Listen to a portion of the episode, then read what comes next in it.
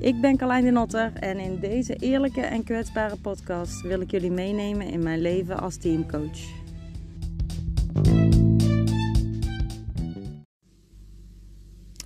Hallo, uh, leuk dat jullie luisteren naar deze allereerste podcast. Gisteren deelde ik al een stukje. Ik was toen aan het uh, uittesten hoe het werkte met Spotify en met uh, de app waar je podcast in, in opnam. En eigenlijk ging het zo vlot dat het uh, al heel snel online stond. Um, sommige mensen konden het beluisteren. Uh, en de mensen die het niet hebben gehoord, die hebben er niet zoveel aan gemist. Want uh, ik zei voornamelijk test, test, test. Dus zo heel boeiend was het niet. Um, wat ben ik van plan met deze podcast? En sowieso wil ik jullie meenemen in mijn leven als teamcoach. Dus ik ga jullie avonturen vertellen van dingetjes die ik meemaak. Uh, gekke dingen, leuke dingen, interessante dingen, moeilijke dingen, eerlijke dingen, kwetsbare dingen. Dus uh, kortom, de eerlijke kant van het leven als een teamcoach ga ik met jullie delen. En uh, dus dat zal voornamelijk gaan over um, mijzelf en hoe ik dingen beleef. En aan de hand daarvan hoop ik dat jullie daar ook dingen van opsteken. Dus ik wil jullie graag inspireren met mijn eerlijke verhaal. En daarnaast wil ik, zou ik het leuk vinden als jullie er ook nog iets van leren. Um, ik zal me even voorstellen. Ja, ik zei het natuurlijk al, ik ben Carlijn de Notter. Ik ben teamcoach.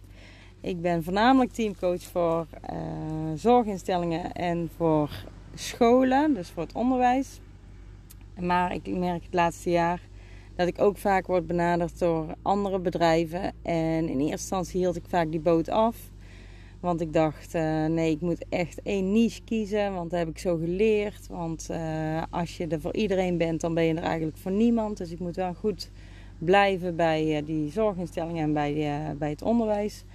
Maar al snel merkte ik van, eigenlijk kan het best wel naast elkaar bestaan. En ik zie het ook voornamelijk als onderzoek naar wat vind ik nu eigenlijk leuk. Welke doelgroep past nou het best bij mij. Uh, waar haal ik het meeste energie uit? En um, dus vandaar dat andere mensen, andere bedrijven, andere teamleiders mij ook mogen benaderen. En mocht het nou echt niks zijn voor mij, omdat ik denk van nee, dit past niet of ik voel hem niet, dan uh, zal ik altijd zeggen, eerlijk zeggen dat ik, uh, ja, dat het niet door kan gaan. Maar daar, daar mogen teamleiders mij in ieder geval voor benaderen. Um, ja, ik zal iets vertellen over hoe ik erbij kom om teamcoach te worden. En daarmee eh, ga ik jullie iets vertellen over vroeger. Um, ja, sowieso. Um, nee, misschien willen jullie eerst wel iets weten over mijn gezin. Uh, ik heb een vader en een moeder, echt waar, ja. En ik heb twee broers, Mark en Bart. En ik ben opgegroeid boven de Spar in Middelbeers. En daar heb ik tot mijn zesde gewoond. Mensen die uh, Middelbeers kennen, die kennen misschien de Spar nog wel. Uh, inmiddels bestaat de Spar niet meer. Uh, maar ehm, ja, daar woonde ik dus in ieder geval boven. daarna ging ik naar de Willy Broders school. Dat is de basisschool in Middelbeers. En voor degenen die mijn verhaal hebben gelezen op mijn website... die weten dat ik daar een stoer meisje was met een hele grote mond. Ik was best wel brutaal zelfs. Ik werd wel eens uit de les gestuurd.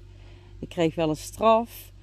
Uh, op mijn rapport stond heel vaak dat ik uh, mijn mond niet stil kon houden en dat ik uh, veel aandacht vroeg. En ik schreef in dat verhaal ook dat ik soms wel eens andere kinderen pestte. En toen wist ik natuurlijk niet waarom ik dat deed later, nu dus, en al wel een paar jaar eerder ook al wel, weet ik dat ik dat deed vanuit uh, een gevoel van onzekerheid. Dus uh, als je maar andere mensen om je heen kleiner maakt, dan uh, kom je er zelf altijd groter uit. Denk je dan, zo, ja, zeker als kind, ja, denk je daar nog niet zo diep over na. Althans, ik deed dat niet en voor mij werkte dat op dat moment. Um, maar goed, die onzekerheid in groepen dus, erbij willen horen, je positie eh, leren kennen. Uh, vooral niet buiten de boot willen vallen. Dus uh, ja, ik deed heel stoer. En ehm, ja, dat werkte. Ik was zelfs best wel populair. Ik had veel vrienden en vriendinnen. Ik had vaak de lachers op mijn hand. En ehm, ja, ik kan ook wel zeggen, ik heb een fijne basisschooltijd gehad. Daarna ging ik naar het Odulfus. Dat is uh, een school in uh, Tilburg, een HAVO-VWO-school. En ik was dus best wel stoer. Maar toen ik daar aankwam was ik iets minder stoer. In mijn dorp, ik kom uit een klein dorp. Middelbeers, zoals ik vertelde. Um, daar uh, vonden we hockey altijd voor mietjes. Iedereen zat daar bij mij in het dorp, zat op voetbal of op tennis kon nog. Of turnen, scouting. Maar dan hield het misschien ook wel op. Dus zoveel keus was er bij ons niet. Maar in ieder geval mensen die op hockey gingen, dat waren vooral mietjes. En toen kwam ik op de Dulfus. En toen bleek dat daar ongeveer de helft van de school, of misschien zelfs wel meer het allemaal mietjes waren. ja, nou goed, daar waren natuurlijk geen mietjes, maar in mijn ogen, ik dacht wel van, oh nee, moeten dit mijn nieuwe vrienden worden? Ja, uh, dus in eerste instantie vond ik het best wel moeilijk om aansluiting te vinden. Uh, zeker ook als ik keek naar de kledingstijl van de mensen. waren best ook veel uh, rijke luiskindjes met hele dure merkkleding. Die ook best wel bekakt praten. Waar ook vaak. Ja. Nee, ik denk dat ik er genoeg over heb gezegd. Um, in ieder geval, ik vond het best wel moeilijk om aansluiting te vinden. In het begin, in de eerste van het Dulven, zat ik geloof ik met 13 andere kinderen uit Middelbeers. Dus toen was het nog best wel veilig. Die ken, toen kende ik bijna de helft van de klas al. Um, ook nog een paar uit Alphen. Uh, dus die kwamen ook uit een klein dorp. Dus daar, die verbinding was wel snel gemaakt. Maar die mensen uit Tilburg of echt uit de stad, ja, dat was wel eventjes wennen. En, maar toen durfde ik ook nog wel stoer te doen. Omdat ik dacht, Dave heeft altijd voor mij gewerkt. En uh, ja, volgens mij kende ik ook geen andere manier dan aansluiting vinden door vooral mezelf heel groot te maken. Um, eigenlijk lukte dat wel. In de tweede heb ik één keer een moment gekend dat ik dacht: oh nee, ik zat er niet nu gepest worden. Toen ik, mensen die mij kennen, die weten dat mijn kin een beetje naar voren staat. Wow, ga je dit echt vertellen, Klein? Ja. Um, dus uh, toen deed een meisje, die deed uh, mij na. Althans, ze deed een poging. Dus die deed zo'n centenbakkes. Dus die uh, tanden, die onderkaak, die deed ze naar voren. En ik dacht echt, nee, nee, nee, nee, nee, dit mag echt niet gebeuren. Dus toen heb ik heel hard uitgehaald. Niet fysiek, maar wel uh, haar echt meteen uh, met woorden met de grond gelijk gemaakt. Toen was het ook meteen weer klaar. Um, maar dat ik die situatie nog zo goed herinner, dat zegt voor mij wel veel over dat ik toen ook heel erg bezig was met mijn eigen positie in de groep. Van oké, wie, uh, wie is er boven mij, wie is er onder mij, wie is er leuker dan ik, wie is minder leuk, wie is slimmer, minder slim. En um, uiteindelijk ging ik naar Nijmegen. Dus uh, ik had mijn HAVO afgerond en toen ging ik naar Nijmegen. Toen heb ik daar op de Han pedagogiek gestudeerd. Ik ging daar ook wonen. Ik heb daar vier jaar gewoond. Met heel veel plezier. Ik ging wel thuis uh, vaak nog trainen. Dus ik kwam best wel regelmatig op en neer. Maar ik heb een heel fijne tijd gehad. Fijne kamer, fijne huisgenoten. Uh, dus daar kijk ik heel goed op terug. Uh, de mensen die toen met mij meegingen. Mijn vriendinnen die... Uh, die vonden het net als ik heel jammer dat je eigenlijk op het HBO niet meer hoorde te schreeuwen door de gangen. Dus heel af en toe deden we dat nog wel eens als we elkaar tegenkwamen. En, uh, maar ja, eigenlijk kon dat niet meer. Dus toen moesten we eventjes schakelen dat we niet meer zo jong waren als we, als we dachten.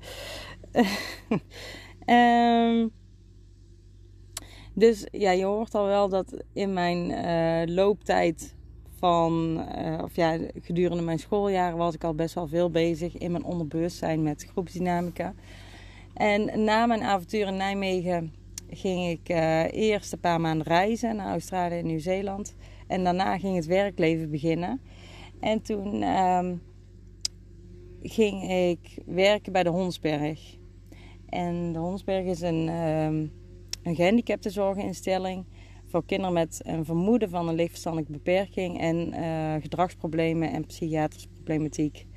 Um, ja, kortom, uh, complexe kinderen van 0 tot 18 die uh, daar gingen wonen. Want het is echt een 24 uur instelling. Het is een observatiekliniek, dus kinderen die kwamen daar om, uh, uh, om te laten onderzoeken wat er, ja, ik wil zeggen wat er mis is, maar dat is niet het goede woord. Om te, om te bekijken wat die kinderen nodig zouden hebben om uh, zich verder te ontwikkelen in de maatschappij. Of om te kijken welk onderwijs het meest geschikt zou zijn. Of welke woonvorm of behandelgroep het meest geschikt zou zijn om uh, hun leven zoveel mogelijk te, ehm, te optimaliseren of zo goed mogelijk in te, in te richten. En nou, de doelstelling van Honsberg was ook dat kinderen negen maanden daar bleven. Dat er dan observatie en diagnostiek plaatsvindt. En dat kinderen daarna weer of terug naar huis gingen of doorgingen naar een andere woongroep.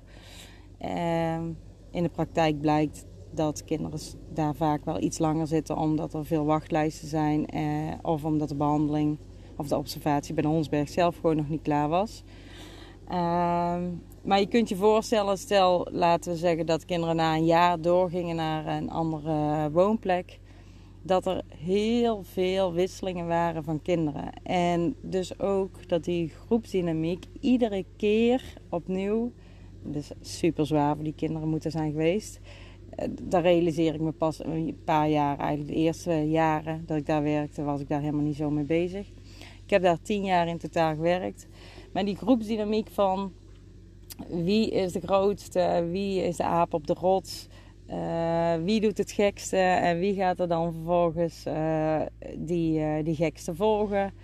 Ehm, ja, ook met een stukje agressie. Soms was er helemaal geen, geen agressie. En dan, dan was er wel een stukje agressie. En dan merkte je ineens dat de tweede, derde, vierde ook agressie gingen vertonen. Uh, kortom, die groepsdynamiek die vond ik zo interessant.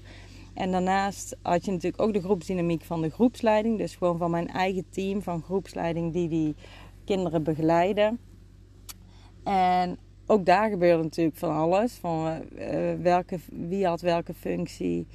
Uh, wie, wie, wie, wie, wist het wie wist het beste, naar wie werd het meest geluisterd. Soms zeiden, zeiden bepaalde mensen dingen en er werd totaal niet naar geluisterd. En dan zei iemand anders precies hetzelfde en die had dan net iets meer status. En uh, dan hing iedereen aan diegene zijn lip. Um, daar was ook een komen en gaan. Daar was ook bijvoorbeeld uh, als, als een teamleider goed lag bij het gros, dan lag je bij iedereen goed. Als een teamleider minder goed lag, dan, dan werd daar weer. Ja, werd daar bijvoorbeeld weer veel over gesproken. En zo ben je gewoon altijd bezig met: oké, hoe denkt hoe denkt een groep over bepaalde dingen? Wat is de norm in deze groep? Ga ik daarbij aansluiten of kies ik mijn eigen weg? En uh, ja, ja, ik kan wel zeggen, dat is echt, dat kan ik soms ook een beetje kapot analyseren. Omdat ik dus daar zo bewust van ben en zo mee bezig ben, ook als ik niet aan het werk ben. Ik eens denk, ook alleen hou gewoon op, want uh, ja, soms heb je er ook niks aan om alles helemaal te snappen en te begrijpen. En sowieso kan ik het ook nooit helemaal begrijpen. Soms ken ik mensen niet eens, dus dan zit ik zelf ook helemaal vol met aannames en voorspellingen die dan vervolgens helemaal niet blijken te kloppen. Maar ik ben natuurlijk ook geen Jomanda, ook al. Nee, niet. Hou op, klein. En um, even denken, wat wil ik daar nog meer over vertellen? Uh, ja, sowieso. Uh, ja, wat ik net zei over de analyseren. Dat is echt mijn kwaliteit. Dat is echt ook iets wat ik goed kan. Wat ik best ook wel objectief kan, maar wat soms ook wel mijn valkuil is. En ja, nu ben ik een beetje ouder. Nu kan ik het ook meer van afstand bekijken. Nu raak ik ook minder snel ingezogen. Dat is ook belangrijk voor mijn werk natuurlijk. Dat ik uh, juist die helikopterview kan blijven behouden. En niet zo, uh, ja, meteen er ook zelf middenin zit. Soms is dat echt ook wel een uitdaging, ook bij teams. Of bijvoorbeeld teams die heel veel praten, dan ben ik zelf ook geneigd om veel te gaan praten. En dan denk ik op een gegeven moment, oh nee, nee, nee, moet ik niet doen. Want uh, dan ga ik juist mee in dat patroon. En zo doen we dat allemaal, al zijn we er niet altijd bewust van. Um, en nu heb ik natuurlijk drie kindjes. Uh, voor degenen die mij kennen, die weten dat. Uh, mijn oudste dochter heet uh, Pip. En dan komt Raf en dan komt Maan. En nu zie ik dat natuurlijk ook weer gebeuren bij hun, die groepsdynamica bij, bij kindje in de klas of kindje bij het kinderdagverblijf. Zelfs al bij Maan, die is anderhalf. En, en daar kan je al zien van hoe verhoudt zij zich ten opzichte van ander. Um, ik besef me dat mijn verhaal wel ook een beetje gaat over dat je continu moet aansluiten bij de norm. En ik weet dat sommige mensen daar ook minder vatbaar voor. Groepsdynamica is altijd en overal. Maar als individu gaat iedereen natuurlijk daar anders mee om. Ik was heel erg bezig met wat doet iedereen en hoe kan ik aansluiten en hoe kan ik dus dan opvallen op een stoere manier. Dat is dus vroeger hoe ik dat deed. Maar andere mensen die zijn bijvoorbeeld veel minder bezig met de norm. En die trekken veel meer hun eigen plan. Ja, en soms worden ze daardoor uh, uit een groep gekikt, omdat ze dan net anders zijn dan anders. Maar soms gaat dat juist ook heel goed als je minder aantrekt van de groep. Uh, ja, ik denk dat dat voornamelijk is wat ik uh, in ieder geval alvast aan jullie wilde vertellen. Het is voor mij ook een test, deze eerste podcast, om te kijken van oké, werkt dit allemaal? Uh, sta ik er zelf achter om dit soort dingen te delen? Helpt het mensen? Ehm, ja, dus ergens zie ik dit na de test van gisteren als de ultieme test. De ultieme test vandaag. Um, om eens te ervaren voor mezelf en ook voor de luisteraars. Hoe dit is en hoe dit overkomt. En um, ja, als ik nou denk van ja, is wel leuk, dan, uh, dan komt er een vervolg. Oké, um, in ieder geval heel erg bedankt voor het luisteren. En wie weet tot ziens. Tot horens bedoel ik. Oké. Okay. Doei doei.